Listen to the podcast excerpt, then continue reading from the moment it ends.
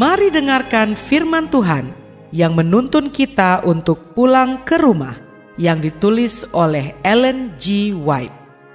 Melalui renungan pagi ini, kita akan belajar untuk berani menghadapi masa depan karena kita tidak lupa pimpinan Tuhan di masa yang lalu. Bersama Pendeta Andre Daimbani, selamat mendengarkan.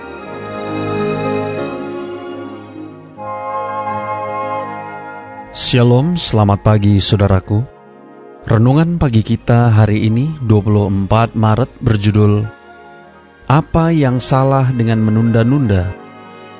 Ayat intinya diambil dari kisah para rasul 24 ayat 25. Demikian firman Tuhan. Pergilah sekarang, apabila ada kesempatan baik, aku akan menyuruh memanggil engkau. Mari kita dengarkan penjelasannya. Waspadalah terhadap menunda-nunda. Jangan lengah membuang dosa-dosamu serta mencari kesucian hati melalui Kristus.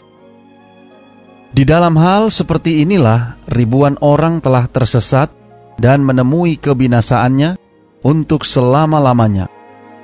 Saya tidak akan beberkan di sini betapa singkat dan tak tentu hidup ini. Tetapi ada satu bahaya yang mengerikan satu bahaya yang tidak begitu difahami, menunda-nunda menyerah pada bisikan roh Allah, memilih hidup di dalam dosa. Inilah penundaan yang sesungguhnya itu.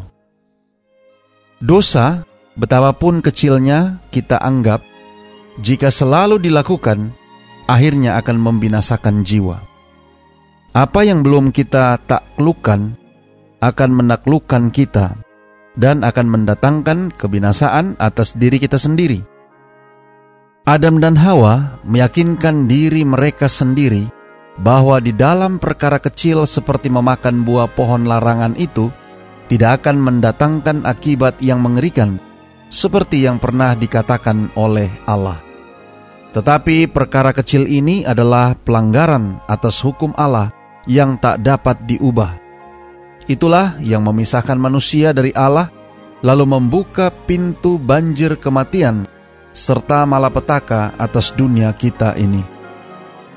Abad demi abad telah bangkit dari dunia ini ratapan yang tidak kunjung putus, dan semua makhluk menanggung akibat pendurhakaan manusia.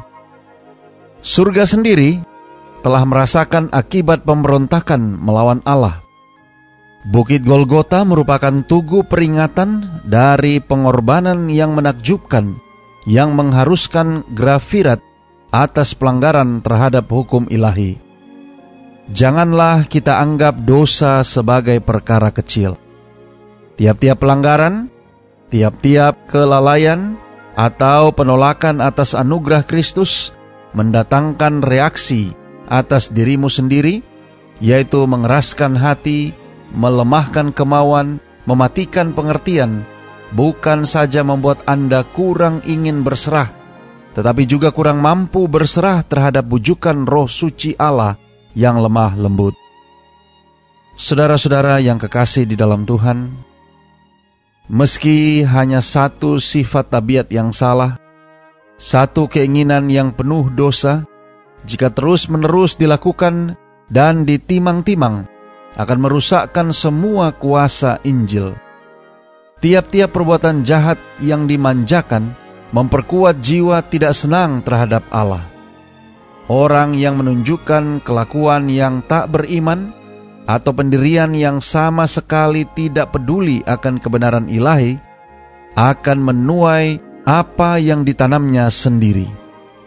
Di dalam Alkitab, tidak ada satu amaran yang lebih menakutkan melawan bermain-main dengan kejahatan daripada ucapan orang yang bijaksana Salomo bahwa orang berdosa tertangkap dalam kejahatannya dan terjerat dalam tali dosanya sendiri. Dicatat dalam Amsal 5 ayat 22. Kebahagiaan sejati halaman 35 dan 36. Doa kita hari ini. Bapa terima kasih. Melalui renungan pagi ini, kami diingatkan tentang bahayanya menunda-nunda. Terima kasih melalui renungan pagi ini kami boleh belajar untuk tidak menganggap remeh dosa yang kecil. Tolong kami hari ini Bapa, biarlah dengan pertolongan kuasa roh kudusmu, kami boleh lebih peka akan dosa-dosa kekurangan-kekurangan yang kami sering lakukan, sehingga kami tidak perlu melakukannya lagi, dan hari demi hari kami semakin baik dan tidak menunda-nunda apa yang dapat kami lakukan. Terima kasih Bapa. Inilah doa dan permohonan kami kepadamu. Di dalam nama Yesus kami berdoa. Amin.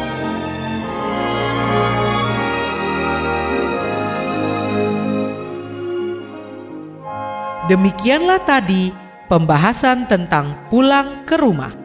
Semoga firman Tuhan hari ini dapat menjadi berkat bagi Anda.